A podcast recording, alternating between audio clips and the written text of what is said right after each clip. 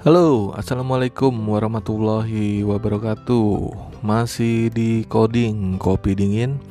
Balik lagi sama gua Adi. Uh, terima kasih udah buat yang udah dengerin coding kopi dingin. Oke, kali ini topiknya adalah payment gateway. Mungkin kalian sebagian udah pernah cobain atau bahkan udah tahu apa itu payment gateway. Kali ini gue mau angkat topik uh, payment gateway. Jadi payment gateway ini apa ya? Telah mengubah model bisnis kayaknya ya untuk uh, saat ini. Contohnya ya, hadirnya teknologi payment gateway uh, gua rasa merubah model bisnis ini ke arah transaksi online. Jadi hampir rata-rata sekarang udah menggunakan transaksinya online. Nah, kalau dulu orang e-commerce masih dikit ya dan uh, transaksi payment gateway orang tahunya PayPal. Kalau sekarang kan udah banyak uh, yang produk lokal.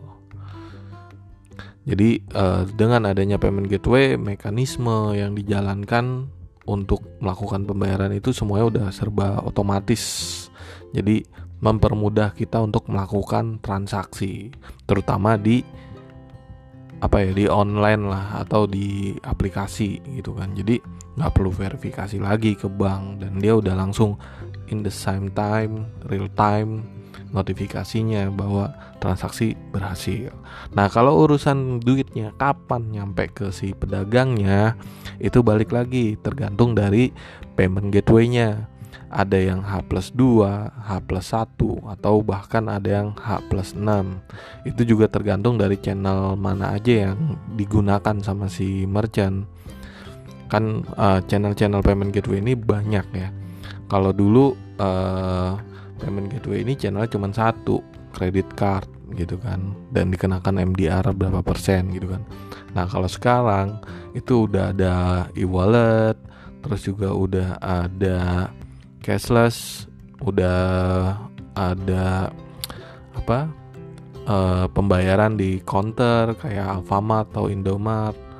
Terus banyak lah udah banyak channel-channel pembayarannya gitu kan.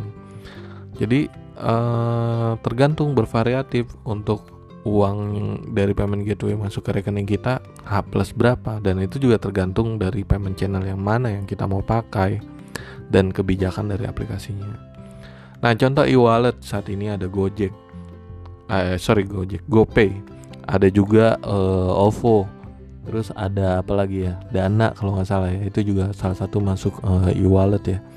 Jadi nanti ketika orang mau melakukan pembayaran di website kalian atau di website atau di media online lah transaksinya itu banyak pilihan nggak harus mengharapkan dengan kartu kredit gitu kan bisa juga dibayar pakai OVO pakai GoPay atau pakai Dana gitu kan. Bahkan ada yang baru lagi ya kalau Iya belum lama lah keluar 2020 kalau nggak salah. Itu namanya Kiris QR apa QR uh, eh, buatan Indonesia jadi agar seragam. Selama ini kan QR code itu kalau di scan hanya bisa untuk GoPay gitu kan. Let's say lah QR code-nya GoPay. Itu cuma bisa untuk GoPay Terus kalau QR code-nya si Dana hanya bisa untuk Dana.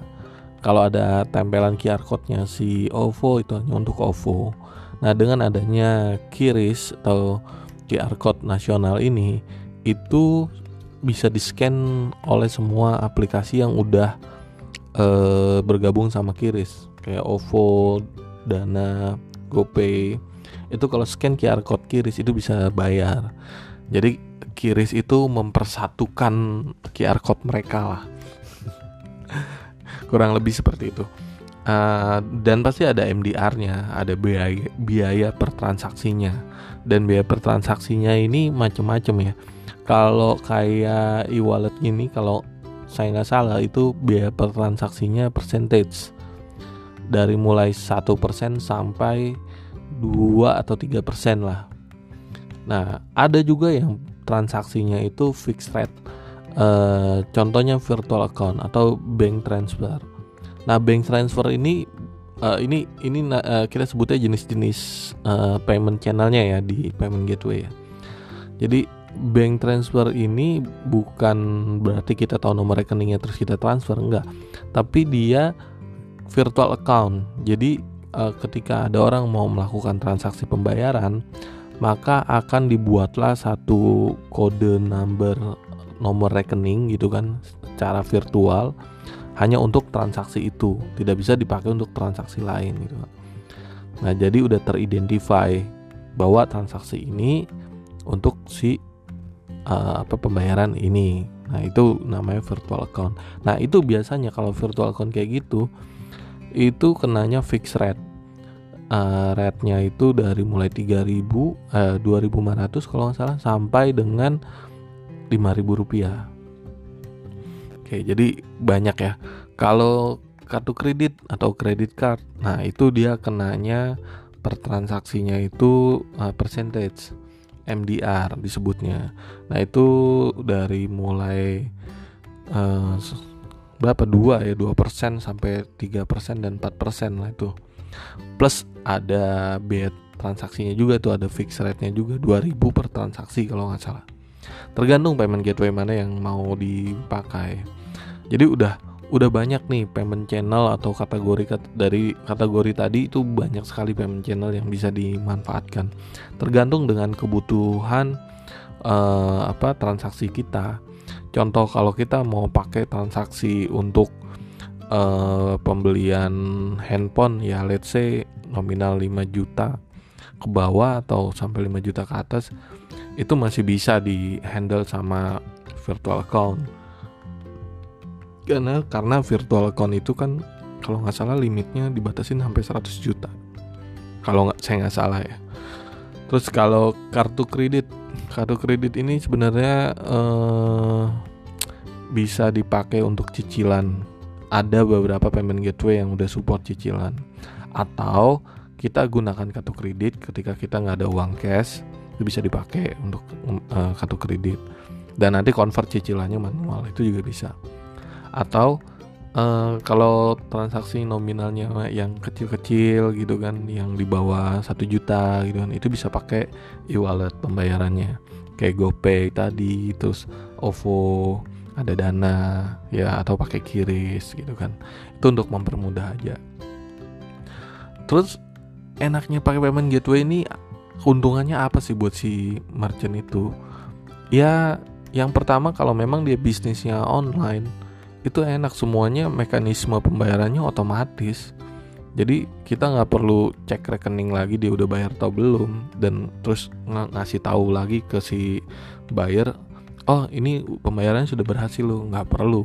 Karena kita udah terintegrasi sama payment gateway itu in uh, in the same time dia akan ngasih notifikasi bahwa pembayarannya sukses atau gagal gitu kan. Dan mereka akan lanjutkan juga ke uh, si apa pembeli gitu kan. Atau kita kelola lah nih re, uh, responnya seperti ini gitu kan sukses atau gagal kayak gitu. Nah kalau ngomongin uangnya nyampe nya kapan ke si uh, merchant ya nyampe nya yaitu tadi tergantung kebijakan dari payment gateway-nya dan proses di banknya. Ada yang H plus 2 H plus 3 H plus 1 atau H plus kosong gitu kan. Itu balik lagi kebijakannya. Terus uh, kalau seandainya payment gateway ini bisa diadaptasikan untuk uh, merchant-merchant yang offline. Bisa nggak? Uh, kalau menurut saya bisa. Karena sekarang uh, perkembangan payment gateway kayaknya udah nggak menyasar uh, udah nggak nargetin lagi yang online. Tapi uh, untuk yang UMKM atau yang uh, offline pun udah diincar juga arah sana. Let's say pedagang kaki lima itu nanti kalau mau bayar udah support payment gateway tapi bentuknya biasanya mobile apps ya. Atau dari ada download aplikasinya nanti kayak kayak virtual empos lah. Dia tinggal masukin nominalnya nanti si yang beli oh bayarnya pakai GoPay ya pak. Dia langsung scan masuk. Atau bayar pakai kiris ya. Nah, itu itu udah udah banyak sekarang yang yang ke arah sana gitu kan. Bahkan restoran eh, restoran-restoran kecil gitu kan yang selama ini make mesin edisi udah nggak perlu mesin edisi lagi mungkin ya. Atau bahkan mereka belum punya edisi gitu kan tapi pengen punya mesin edisi. Ya udah cukup download satu aplikasi buat uh, apa biar bisa nerima pembayaran menggunakan kartu kredit. Dan benefit lainnya di situ nggak cuma kartu kredit yang bisa dia apa yang bisa dia pakai kan. Ada virtual account ada e-wallet dan lain-lain. Itu sangat bermanfaat karena perkembangan teknologi ke depan kan sekarang udah begitu semua transaksinya udah digital gitu kan. Udah bener-bener nggak -bener make uh, uang cash lagi gitu. Kalau gue pribadi sih gue sekarang udah jarang bawa uang cash banyak-banyak ya. Paling hanya ya beberapa lah buat jaga-jaga aja. Semua transaksinya udah digital. Kalau nggak transfer ya pakai apa wallet. Itu aja. Atau dompet digital lah istilahnya jadi uh, seberapa manfaat sih payment gateway? Sangat bermanfaat. Terus uh, security-nya keamanannya gimana? Loh kalau payment gateway uh, kartu kredit keamanannya udah jelas uh, sangat dijaga. Mungkin ada uh, apa address verification system gitu kan. Alamatnya harus sama dengan yang ada di kartu gitu kan. Terus juga ada CVV number yang di belakang kartu tuh harus dimasukin. Dan juga yang terpenting itu ada 3D secure ya 3D secure password atau OTP lah istilahnya. Jadi dia ngirim uh, apa one time password ke si pengguna kartu kredit tadi buat dimasukin di uh, halaman uh, payment gateway itu nanti langsung diproses di verified jadi kalau ditanya aman ya aman. Gimana kalau ketiganya lolos semua? Terus ternyata dia fraud. Nah si payment gateway ini ada beberapa fitur ya uh, di dalam processingnya. Ada namanya fraud detection system kalau nggak salah FDS jadi nanti dia bisa menilai nih ini fraud atau tidak gitu kan. Nah banyak cara biasanya dengan FDS ini untuk uh, memfilter mana yang fraud atau bukan.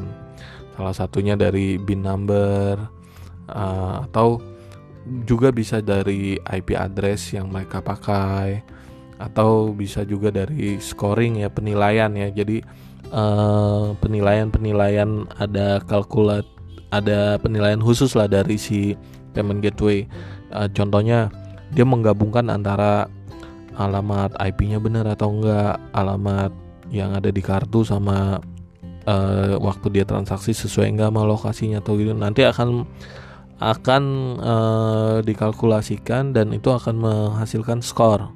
Nah kalau skornya bagus lolos, kalau skornya jelek ya sama dia diblok. Biasanya seperti itu. Jadi security-nya sangat sangat uh, diperhatikan kalau di payment gateway kalau e-wallet dan dan apa namanya virtual account atau uh, payment method payment method lainnya juga sama ya. Banyak lah ada security-nya. Jadi buat kalian yang uh, apa butuh transaksi online dan cepat uh, nggak uh, mau repot nagi-nagi atau uh, apa istilahnya banyak cara lah untuk melakukan pembayaran ya silahkan pakai payment gateway itu solusinya tapi ingat payment gateway ini ada fee-nya tadi yang saya udah sebutkan sebelumnya oke itu aja sih pengenalan tentang payment gateway mungkin nanti gue akan eh, episode episode berikutnya gue akan lebih deep ke payment gateway ke lebih ke core paymentnya atau ke bisnis payment gateway Oke, itu aja sharing dari gua. Mudah-mudahan ini bisa bermanfaat buat kalian yang mendengarkan. Uh, jangan lupa dengerin terus podcast coding kopi dingin uh, buat kalian yang menjalankan ibadah puasa selamat berpuasa bentar lagi mau lebaran kondisi kita masih psbb ya mudah-mudahan cepat berlalu ya oke itu aja Terima kasih udah ngedengerin. Gua Adi izin pamit. Assalamualaikum warahmatullahi wabarakatuh.